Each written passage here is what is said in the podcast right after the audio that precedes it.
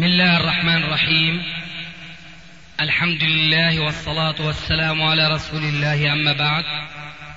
فهذا أحد أشرطة سلسلة الهدى والنور من الدروس العلمية والفتاوى الشرعية لشيخنا المحدث العلامة محمد ناصر الدين الألباني حفظه الله ونفع به الجميع. قام بتسجيلها والتأليف بينها محمد بن أحمد أبو ليلى الأثري.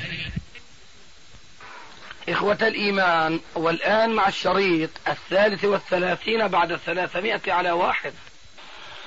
من كان عنده سؤال يرفع إصبعه حتى ينتقل إلى الشخص الثاني الذي يليه وهكذا دواليه والأيمنون فالأيمنون هكذا القاعدة الشرعية.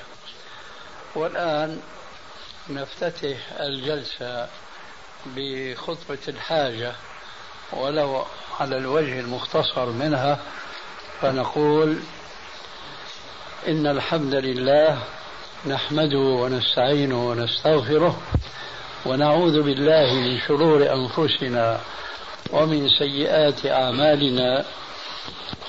من يهده الله فلا مضل له ومن يضلل فلا هادي له.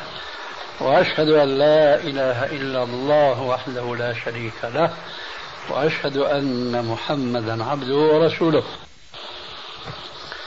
أما بعد فإن خير الكلام كلام الله وخير الهدي هدي محمد صلى الله عليه وآله وسلم وشر الأمور محدثاتها وكل محدثة بدعة وكل بدعة ضلالة وكل ضلالة في النار. وقبل إصغائي للأسئلة أرجو أمرين اثنين في هذه الأسئلة. الأمر الأول أن تكون أسئلة واقعية من صميم الحياة ولا تكون نظرية قد تقع وقد لا تقع. والشيء الثاني ولعله الأخير أن يسأل كل فرد منكم عما يهمه هو وليس عما يهم غيره لأنه المبدأ الإسلامي يقول ابدأ بنفسك ثم بمن تعول. والآن مين عنده سؤال من هنا؟ تفضل. ما الحكم الشرعي؟ ما الحكم الشرعي بمن يقول الله كان ولا مكان؟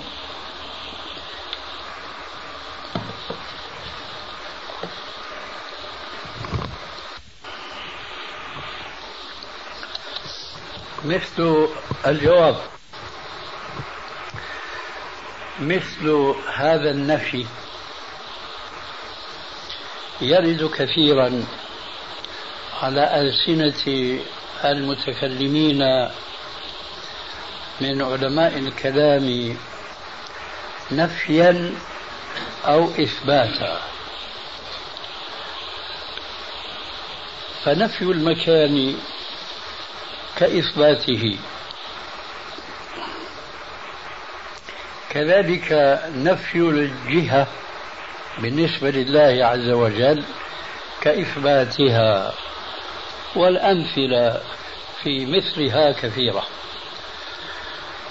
والجواب الصحيح أنه لا يجوز إنكار شيء من هذه الألفاظ أو إثباتها إلا بعد أن نتبين المعنى الذي يقصده المثبت لهذه الألفاظ أو نافيها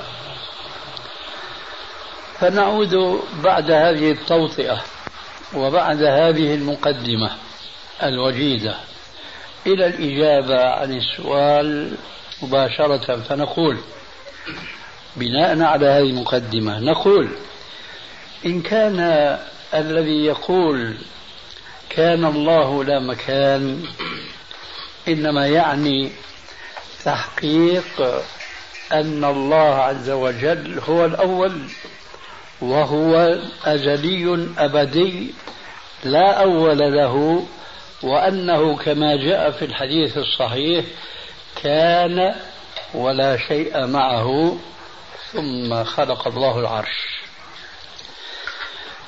فقوله عليه السلام في هذا الحديث كان الله ولا شيء معه أي من المخلوقات.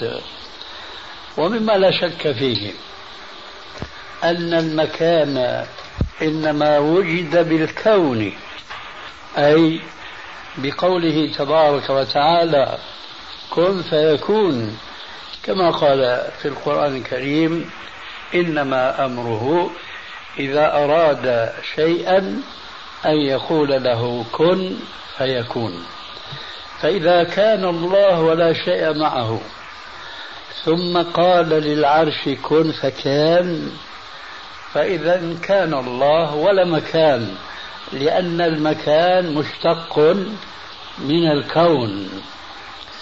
أما إن كان الذي ينفي هذا المعنى للمكان يعني به ما يعارض الشرع لتوهمه من بعض النصوص الشرعية المقطوع ثبوتها ودلالتها أنها تعني إثبات المكان لله عز وجل وقد عرفنا أن المكان كان بعد أن لم يكن وأن الله غني عن العالمين. لكن لما جاءت بعض النصوص المقطوع ثبوتها والمقطوع دلالتها وكل هذه الأدلة تدور حول إثبات العلو للعلي الغفار. فحينئذ قد يتوهم بعض الناس أننا إذا قلنا بما دلت عليه هذه النصوص القاطعة ثبوتا ودلالة أننا أثبتنا لله المكان وبناء على هذا التوهم أي من يتو... بعض الناس يتوهمون من إثبات صفة العلو لله عز وجل على المخلوقات كلها يتوهمون من هذا الإثبات أن ذلك يستلزم آه، جعل الله عز وجل في مكان. إذا هم يقولون كان الله ولا مكان هنا نقول النفي باطل. أما لإثبات السابق فصحيح وشتان بين المعنى الأول معنى الإثبات ومعنى النفي. لأن معنى النفي ينفي دلالات قاطعة ومعنى الإثبات للمكان يثبت دلالات قاطعة هي أن الله عز وجل كان ولا شيء معه.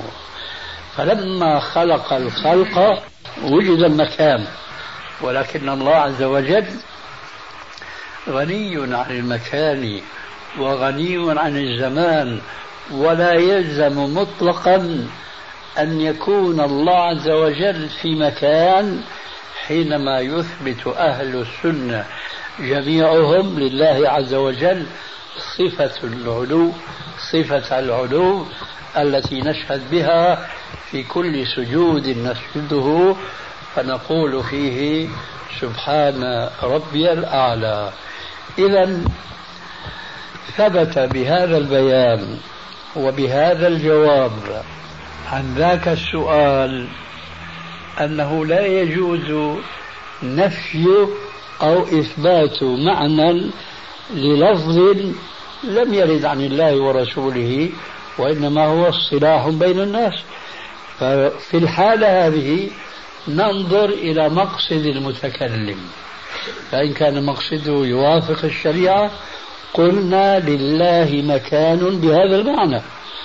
وإن كان يعني ما يخالف الشريعة قلنا لا ليس لله مكان بهذا المعنى. كذلك أيوة كذلك يقال بالنسبة للجهة بالنسبة للجهة التي قد تنسب أو قد تنفى تنسب لله أو قد تنفى عنه. كذلك نقول نفس الكلام. نقول للذي يقول إن الله ليس في جهة. ماذا تعني بهذا النفي؟ أتعني معارضة قول, قول الله تبارك وتعالى الرحمن على العرش استوى تعرج الملائكة والروح إليه آه، أأمنتم من في السماء؟ ارحموا من في الأرض يرحمكم من في السماء والنصوص قاطعة في هذا أيضا. إن كان الجواب نعم أنا أعني نفي هذه الدلالات التي دلت عليها هذه النصوص.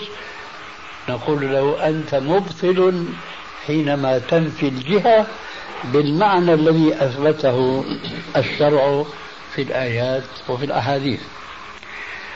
وإن كان يعني بذلك حينما يقول قائل ما إن لله جهة أنه يعني أن الله ليس في كل مكان مخلوق كما يقول القائلون بوحدة الوجود من غلاة الصوفية والمعتزلة وأمثالهم يقولون الله موجود في كل مكان.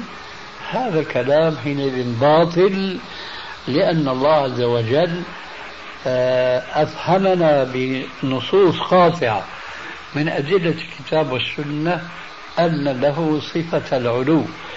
فإذا أثبتنا صفة العلو وسموا هذه الصفة بأنها جهة لله قلنا لا بأس.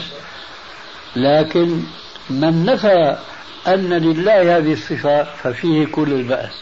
ولكننا مع ذلك سواء فيما يتعلق بالمكان إثباتا ونفيا.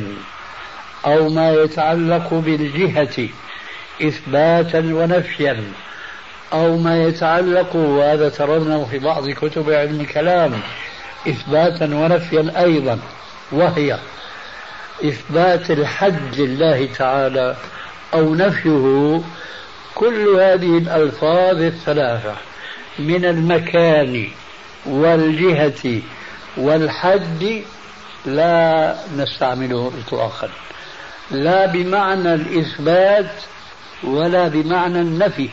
نحن لا نستعمله لأن ذلك لم يرد في الكتاب ولا في السنة. إلا أننا نتحفظ مع الناس الذين قد يستعملون لفظا من هذه الألفاظ الثلاثة لا نسارع في الإنكار عليه ابتداء وإنما نسأله ماذا تعني فإن أعنى معنى أثبتته الشريعة قلنا أصبت في المعنى وأخطأت في اللفظ. وإن قصد بمعنى ذلك اللفظ معنى يخالف الشرع نقول له أخطأت مرتين. المرة الأولى وهي الأخطر أنك عنيت بهذا اللفظ معنى أثبته الشرع فنفيته والشيء الثاني أنك ابتدعت لفظا استعملته في نفيه عن الله عز وجل وذلك يستلزم نفي ما أثبته في الكتاب وفي السنة. هذا جواب ذاك السؤال ولعله واضح إن شاء الله. في شيء صلب الموضوع يعني؟ تفضل. يقولون إن الله كان ولا مكان وهو الآن على ما عليه كان ويريدون كلمة في معنى ذلك ينسبونها إلى أبي بكر الصديق رضي الله عنه. أه جواب هذا السؤال أه تماما كما سبق. إذا قالوا وهو وهذا كلام صوفي نعرفه قديما كان الله ولا شيء معه وهو الآن على ما عليه كان. إن كانوا يعنون أنه الآن على ما عليه كان غني عن المكان الكوني المخلوق نقول لهم أصبتم. أما إن كانوا يعنون بهذه العبارة وهو الذي يقصد هؤلاء أن الله عز وجل ليس له صفة العلو على العرش حيث جاءت في القرآن الكريم بلفظ ثم استوى على العرش. فإذا أرادوا نفي هذا الاستواء الذي جاء التصريف به في القرآن نقول أبطلتم مرتين. المرة الأولى أنكم قصدتم معنى يخالف الشريعة والمعنى الثاني أنكم ألحقتم بالحديث جملة لا أصل لها. لأن الحديث الذي ذكرناه آنفا في صحيح البخاري كان الله ولا شيء معه. انتهى. نقطة فاصل قوي جدا الحديث إلى هنا. ثم هم زادوا عليه زيادة باطلة سندا ومعنى أما سندا فلأنها لا وجود لها في شيء من كتب الحديث إطلاقا. وهو الآن على ما عليه كان زيادة باطلة سندا وباطلة أيضا معنى بالمعنى السلبي. غيره. تفضل. ما الحكم الشرعي في دخول مجلس الأمة؟ مجلس الأمة. نواب مجلس النواب. أنا فاهم. لكن لو ثبت على الاسم الأول لعملنا محاضرة عليه. هذا ليس مجلس الأمة. هذا برلمان هذا مجلس الأمم اللا إسلامية لأنه في الأمة التي هي أولا مسلمة وهي ثانيا تحكم بما أنزل الله فليس فيها مجلس يسمى بمجلس الأمة. لأن هذه التسمية تتناسب مع النظام الغربي الكافر. ولكن هذه التسمية لا تتماشى أبدا مع النظام المسلم الذي يقول أمرهم شورى بينهم والآية الأخرى وشاورهم في الأمر. قد يخفى هذا الكلام المجمل على بعض الناس فلا بد لنا من تفصيل حوله. حينما قال ربنا عز وجل في الآية الأولى آمرا لنبيه بقوله وشاورهم في الأمر. ثم لما أخبر عن النظام الإسلامي في الأمة الإسلامية بالآية الثانية فقال وأمرهم شورى بينهم بداهة يعرف كل مسلم حتى لو لم يكن عالما بالمعنى الكامل الصحيح وحسبه أن يكون طالب علم وأوتي شيئا من الوعي والثقافة الإسلامية فإنه سيشارك العلماء في أن يفهم من كل من الآيتين أن أمرهم هم وشاورهم الضمير في كل من الآية لا تعني الآية كل فرد من أفراد المسلمين. أما مجلس الأمة المزعوم أي البرلمان فهو يعني كل فرد من أفراد المسلمين لا فرق عندهم بين صالح وطالح وبين عالم وجاهل. نعم هم لهم شروط يعني معروفة ولكنها مدنية وليس لها صلة بالأحكام الشرعية مطلقا. فإذا عرفنا هذه الحقيقة وهي أن الحكم الإسلامي لا ينشئ مجلسا يجمع كل أفراد الأمة دون تفريق بين العالم والجاهل والصالح والطالح حين ذاك عرفنا اولا أن التسمية غير شرعية وبالأولى معناها غير شرعي. وثانيا فهم السائل الجواب أن الدخول في مثل هذا المجلس ليس شرعيا لأنه كما قيل هل يستقيم الظل والعود أعوج إذا كان اسم هذا المجلس غير إسلامي فمسماه يا ترى ماذا سيكون؟ سيكون كما نسمي اليوم الرقص والخلاعة بالفنون الجميلة ونسمي الربا المحرم بنص الكتاب والسنة بالفائدة ونسمي الخمر قديما بالنبيذ وحديثا بالمشروبات الروحية. وهذه كما جاء في الحديث الصحيح بالنسبة للخمر يسمونها بغير اسمها. أظن أنني أعطيت جوابك تماما. غيره. تفضل. ما حكم التعامل مع البنك الإسلامي بالطريقة التي تعرفونها؟ آه، لا يجوز مثل هذا السؤال المطلق والإجابة عليه. وبخاصة أنك قلت مثل ما تعرف. فهل أنا أعرف دخائل البنك الإسلامي بتفاصيلها؟ لا. فإذا الصواب أن تحدد السؤال. ما هي المعاملة التي أنت تسأل عنها؟ سواء كانت لها علاقة بالبنك المسمى بالبنك الإسلامي أو مسمى بالبنك البريطاني. مش مهم الأسماء المهم المسميات. فإذا ما هي المعاملة التي أنت تسأل عنها؟ أقصد إذا أراد شخص أن يأخذ قرض من البنك الإسلامي ليقوم ببناء بيت يقوم البنك بشراء المواد على أن يسددها الشخص بمبلغ يزيد ويسمونه ربحا. هذا الذي أقصد. أي نعم. بعد أن أوضحت سؤالك فسيتضح لك بالتالي جوابي. وهو أن هذه المعاملة لا ينفرد بها بنك يسمى بالبنك الإسلامي حتى البنوك التي لا تسمى بهذا الاسم بل قد تتبرأ منه قد تتعامل بنفس هذه المعاملة فسواء كانت تصدر من البنك الإسلامي أو غيره فهي معاملة ربوية. لا يجوز لأنهم أولا يسمونها بغير اسمها.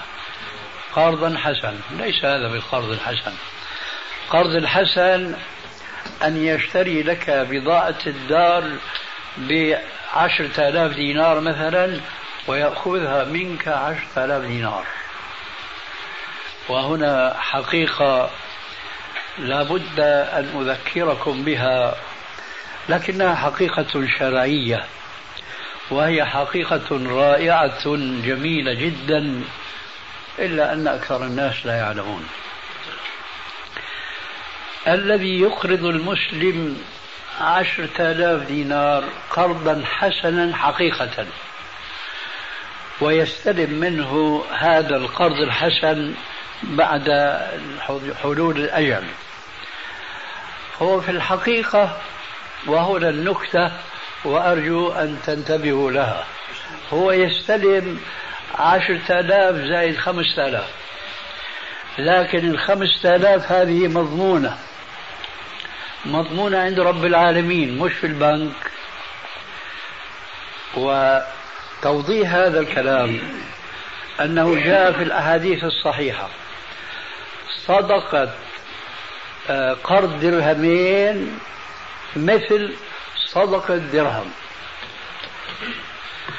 فأنت إذا أقرضت مسلما مئتي دينار كأنما أخرجت من جيبك صدقة لوجه الله مئة دينار. فإذا هذا الذي أقرضك عشرة آلاف لله وسلمتها له سجل له عند الله خمسة آلاف قرض حسن فعلا. يعني أجر هذا القرض الحسن. هذا الناس عنه الآن غافلون كل الغفلة. والربح الحقيقي هو هذا هو الربح. لعلكم تعرفون قصة ذلك الصحابي الذي أظن أوقف آه، حديقة له. وقال له الرسول عليه السلام ربح البيع ربح البيع. يا بيرحاء آه بيرحاء هي الحديقة. إيش قال له؟ ربح البيع. ليه؟ لأنه أوقفه لله بدون قرش. هذا هو الربح الحقيقي. فالتاجر المسلم اليوم صحيح يربح أموال طائلة من الناحية المادية. لكنه أولا يخسر بارتكابه المحرمات وثانيا يخسر بخسارته الأجور التي كانت ستتضاعف له فيما لو أقرض المسلمين قرضا حسنا. لو جاء شار يريد أن يشتري سيارة ثمنها مثلا عشرة آلاف نقدا؟ ولكن بالتقسيط عشرة آلاف زائد خمسمية ألف على حسب ما يتفق على ذلك. فلو أنه باعها عشرة آلاف بالتقسيط ماذا ربح هذا الرجل عند الله؟ خمسة آلاف. بالإضافة هو ربح الربح الشرعي ربح النقد ما خسر ربح. لكن ربح ربحا عظيما جدا هو الربح الحقيقي الذي جاء الإشارة إليه في حديث برحاء حيث قال عليه السلام لمن تصدق به ربح البيع ربح البيع. إذا لا يجوز التعامل مع البنك الإسلامي في هذه الصورة. نفس الموضوع. تفضل. لو أن البنك يعني استلم يعني نفس الحالة المذكورة. لو أنه اشترى هذه المواد وأصبحت ملك له ثم أخذ يبيعها بأرباح هل هذا يعني يخرج من كونه حرام؟ يعني امتلكها وأصبحت له. بالتعبير العسكري في بعض الدول العربية مكانك راوح وعبارة أخرى دو بدي دو بدي أو دورة ولفتي لأنه سيأتيك الآن السؤال التوضيحي. لو هذا البنك اشترى هالبضاعة قلنا مثلا ب 8000 لو جاءه شخص وقال له بعني هذه البضاعة كاش نقدا. يبيعها بأقل من 10000 أم لا؟ يبيعها.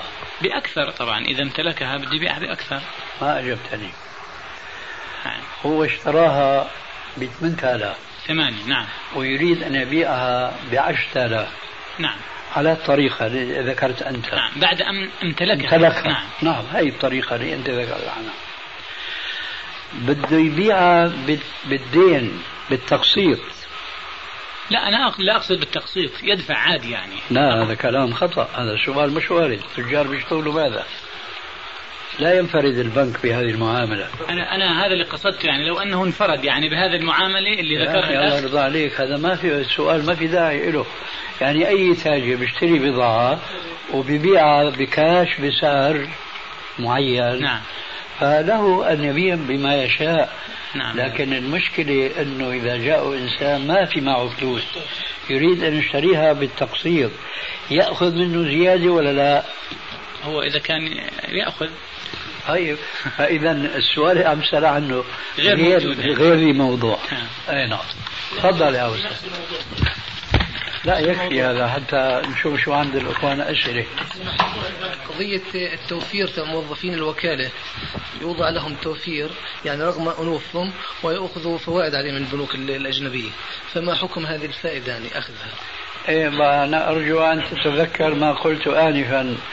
لا تستعملوا كلمة الفائدة استعملوا كلمة الربا.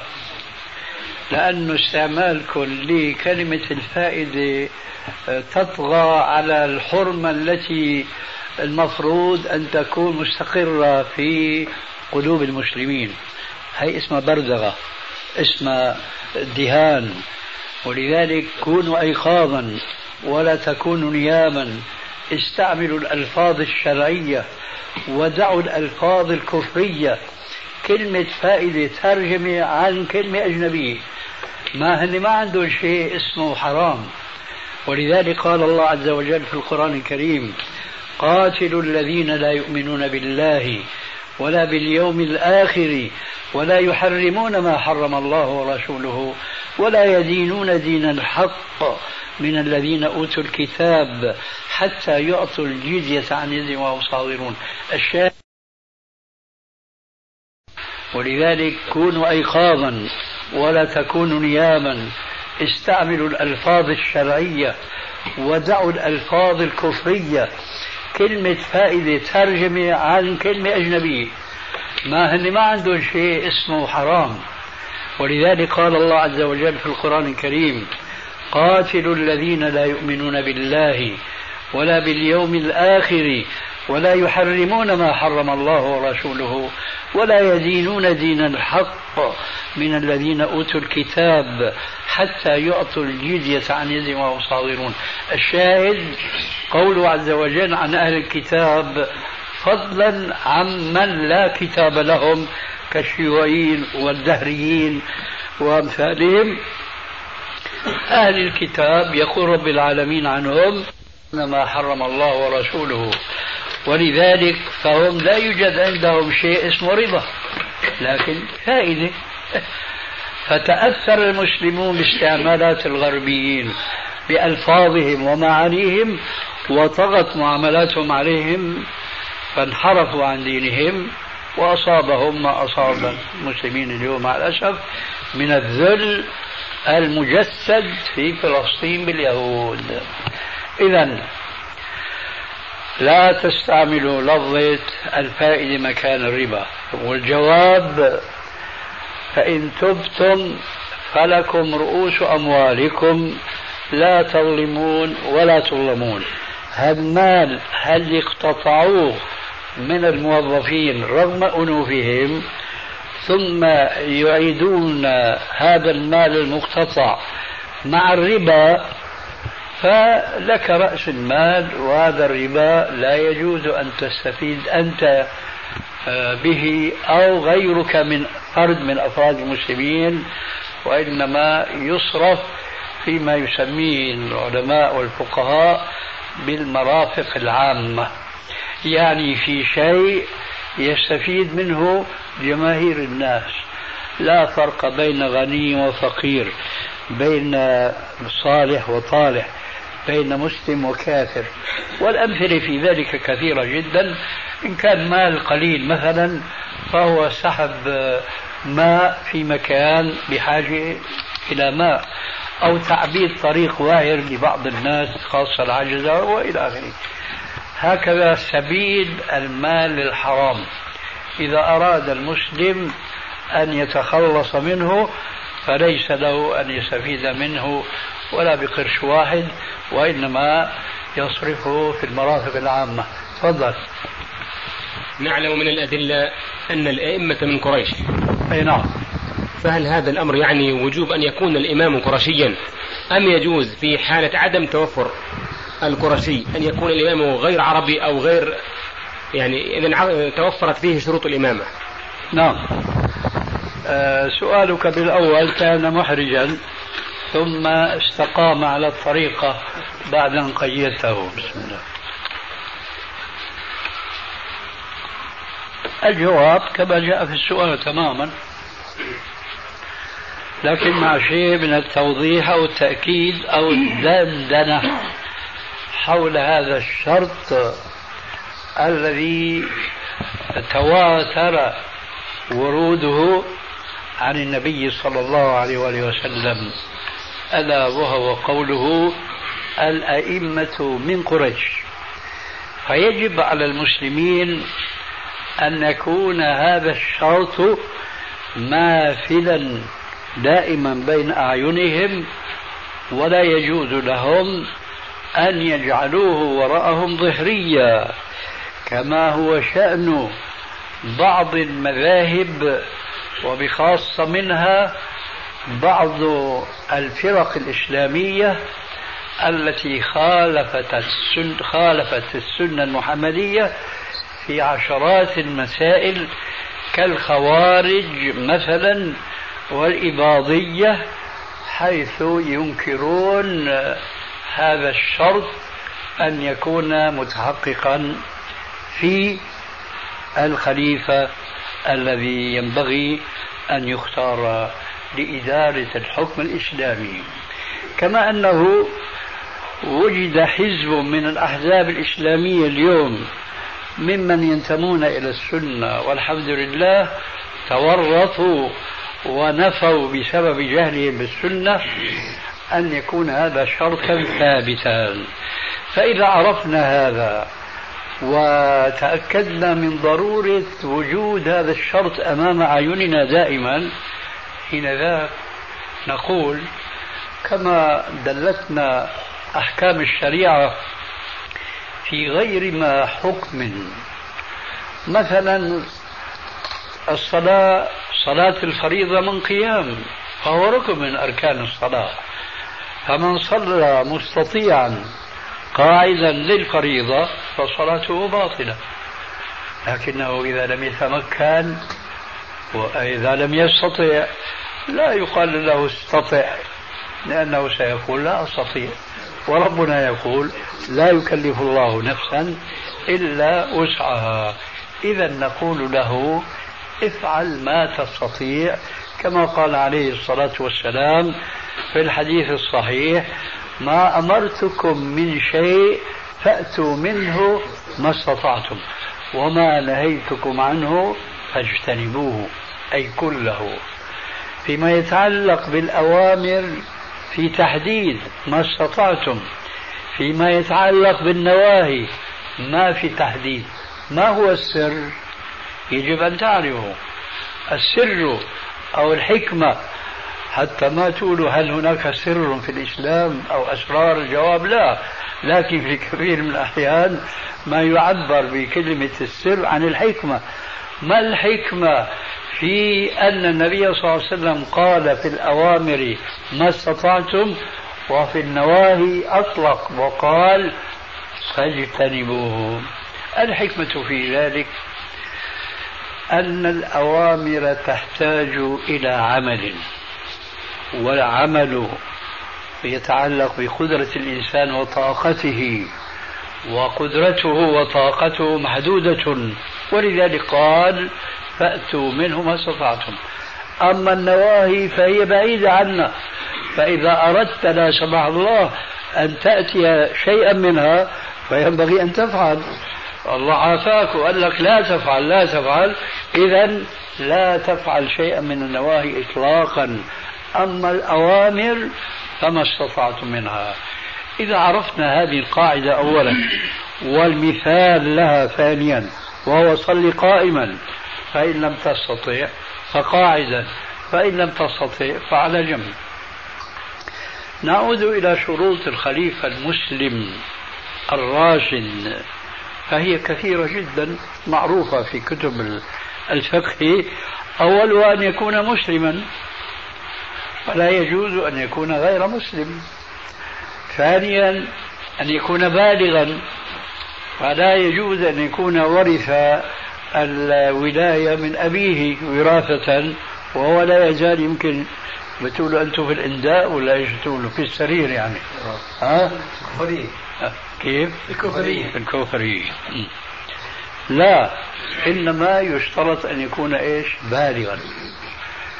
كذلك عد ما شئت من الشروط يأتي أخيرا العالم الشجاع المريد إذا عزم يتوكل على الله ولا يبالي والمثال في الخليفة الأول أبو بكر الصديق حينما عزم على أن يقاتل أهل الردة. من هذه الشروط؟ القرشية. فإذا وجدت هذه الشروط التي ذكرناها آنفا زائد القرشية لم يجوز أن نختار شخصا آخر. توفرت الشروط كلها ناقص. القرشية. لا هذا القرشي هو أولى من ذاك. أما قد نجد رجلين مثلا. كل منهما توفرت فيه شروط الخلافة إلا شرطا واحدا. أحدهما لم يتوفر فيه القرشية. والآخر لم يتوفر فيه العلم. ونعني نحن حينما نذكر العلم هو المعرفة بالكتاب والسنة. ولا نعني بالعلم العلم التقليدي. هذه بيسموه اليوم الفقه. وهذا يتفقه بمذهب الحنفي أو الشافعي أو المالك الحنبلي لا العالم ليس فقط الحاكم الأول أي الخليفة أي عالم مسلم يريد أن يفتي الناس فلا يجوز له أن يفتي إلا بما قال الله وقال رسول الله صلى الله عليه وسلم. وإن كان ليس كذلك فإذا سئل آه، يكون حاكيا. إيش معنى حاكيا يعني مسجلة الحاكي بزمن القديم كان في صندوق بسموه فوتوغرافو فونوغراف. تعرفوا هذا في لوحة هيك نعم. صندوق. العجب صندوق هذا شو بتلقطه مثل مسجلة يعني مثل الكمبيوتر. شو بتلقطه بيلتقط وبيعيده لك صواب خطأ. جميل قبيح مش مهم.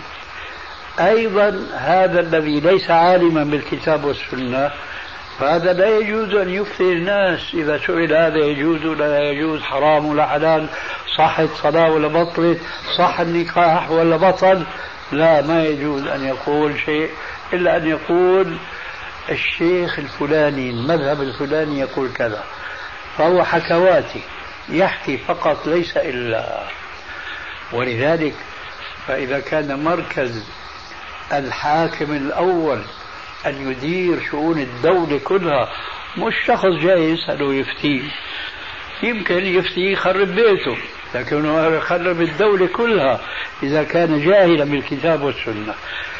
فإذا فرضنا إذا أن رجلين توفرت في كل منهما شروط الخلافة ناقص واحد. أحدهما ينقصه القرشية والآخر الفقه في الكتاب والسنة آثرنا هذا على ذاك. لأن هذا آه يعني إيه هذا أنفع لإدارة شؤون الدولة من ذاك القرشي الجاهل بالكتاب والسنة. وبخاصة أقول هذا من باب العلم والبيان وليس لتبنيه. إن بعض الفرق الضالة والأحزاب التي تأثرت ببعض آرائهم آه، يعللون آه، قول الرسول عليه السلام في الحديث السابق عليه من قريش أن آه، قبيلة قريش كان لها منزلة خاصة في العرب في جميع قبائل العرب.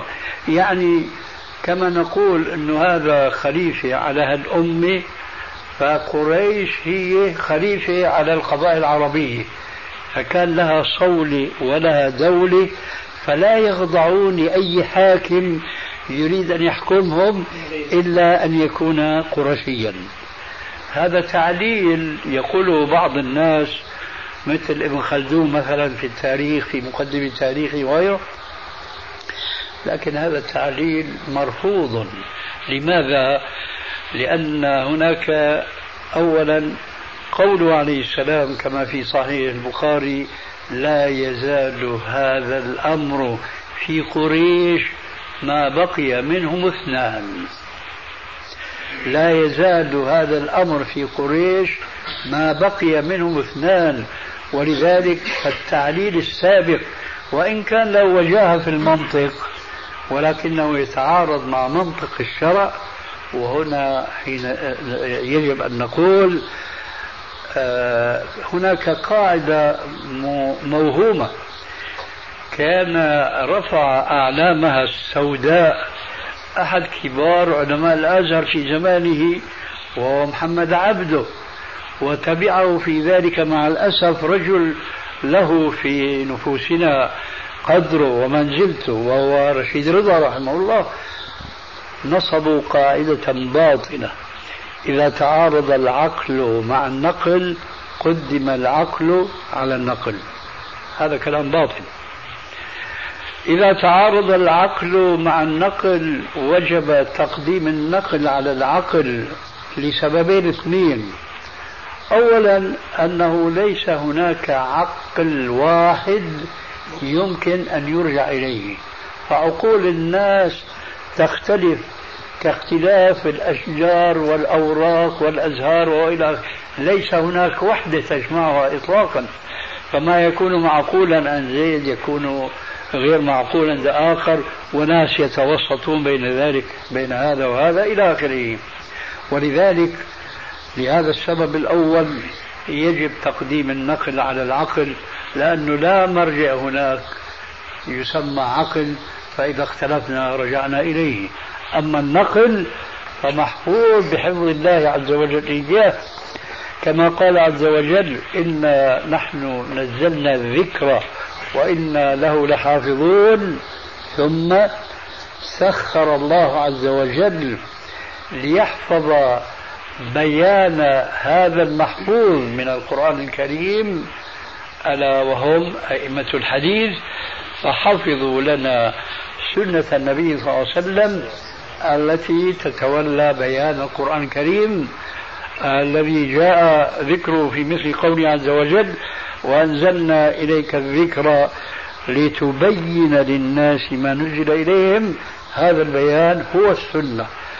فالقرآن محفوظ والسنة أيضا محفوظة فالنقد محفوظ والعقل غير محفوظ. ولذلك فمن أبطل الباطل أن نقول إذا اختلف العقل والنقل قدم العقل على النقل. هذا كلام باطل. والصواب أنه يجب على كل مسلم أن يقدم النقل على العقل ولكن ليس كل نقل هو الذي نعنيه وإنما هو النقل الثابت عن الرسول عليه السلام. وإلا فلعلكم جميعا تشتركون معي في أنكم تعلمون أن هناك أحاديث موضوعة وأحاديث ضعيفة ومنكرة منتشرة بين الناس سماعا وكتابة ونشرا وإذاعة. فإذا إنما نعني بتقديم النقل على العقل إنما هو النقل الصحيح الثابت عن الله ورسوله صلى الله عليه وآله وسلم. إذا كان الأمر كذلك فإذا ثبت أن النبي صلى الله عليه وسلم قال لا يزال هذا الأمر في قريش ما بقي منهم اثنان بطل التعليل السابق لأنه تعليل عقلي هذا هو السبب الأول وهو النقل. يخالف ذلك العقل ولأنه عقل لشخص واحد معين. السبب الثاني استمرار العمل من المسلمين بهذا الشرط. بضعة قرون حتى في عهد الدولة العثمانية التي كان ملكها أو لنقل خليفتها كان أعجميا تركيا كانوا يحاولون أن يتمسكوا بهذا الشرط ولو شكليا حيث كانوا يضعون بجانب الملك رجلا من آل قريش قرشي كأنه هو هذا هو الأصل وهذا نائب عنه. نحن ما بهمنا هذه الشكلية بالطبع لأننا نحارب الشكليات تماما. لكن حجتنا أولا استمرار العمل بهذا الشرط في القرن الأول والثاني والثالث في الدولة الأموية والعباسية. إلى أن انقرضت مع الأسف الدولة العباسية ثم جاءت دويلات كثيرة وكثيرة جدا. لكن هذا محمد الفاتح العثماني سن هذه السنة الشكلية أن يكون بجانب الحاكم العثماني رجل قرشي لأنه ثابت في مذهبهم الحنفي أن الأئمة من قريش. فإذا هذا دليل ثان يبطل التعليل السابق الذي يعود أو تكون حصيلته أن هذا حكما كان حكما كما يقولون اليوم حكما زمنيا أو حكما عصريا. الحديث واستمرار العمل به يبطل هذه الدعوة ولا بد في نهاية المطاف في هذا الجواب أن نذكر بقوله تعالى ومن يشاقق الرسول من بعد ما تبين له الهدى ويتبع غير سبيل المؤمنين نوله ما تولى ونصله جهنم وساءت مصيرا الشاهد ويتبع غير سبيل المؤمنين فإذا ادعى فرقة من الفرق التي خرجت عن السنة أو فرد من الأفراد أو حزب من الأحزاب أن هذا الحديث أولا غير صحيح أو صحيح لكنه غير متواتر. فالرد عليه من ناحيتين. أولا هو تواتر متواتر كما يشهد بذلك أمير المؤمنين في زمانه في الحديث ابن حجر العسقلاني. وثانيا هو حكم شرعي ليس عقيدة. العقيدة هناك رأي وهو رأي باطل ولا تشرب بيدك اليسرى سامحك الله. هناك رأي وهو رأي باطل يفرق بين الأحكام وبين العقيدة فيشترط في العقيدة أن يكون الحديث متواترا ولا يشترط مثل ذلك في الحكم فنقول هذا حكم وليس عقيدة. يشترط في الحاكم أن يكون عالما هذا حكم أن يكون قرشيا هذا حكم أن يكون مسلما هذا حكم إلى آخره.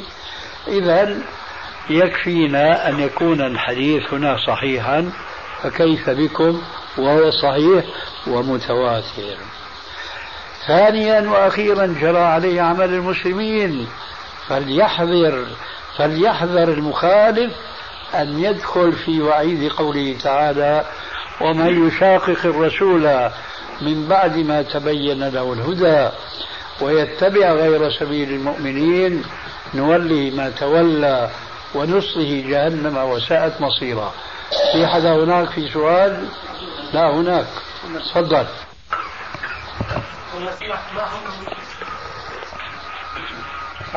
ما حكم آه، نشيد الرجال أمام الرجال باستخدام الدف؟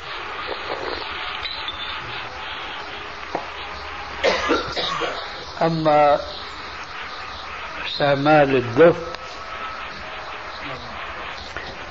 فهو بلا شك يعني حكم مخالف للشرع باتفاق المذاهب الأربعة وغيرهم لأن الدف من آلات الطرف ومن المعازف التي جاء الحديث الصحيح في النهي عن آلات المعازف كلها كما جاء في صحيح البخاري.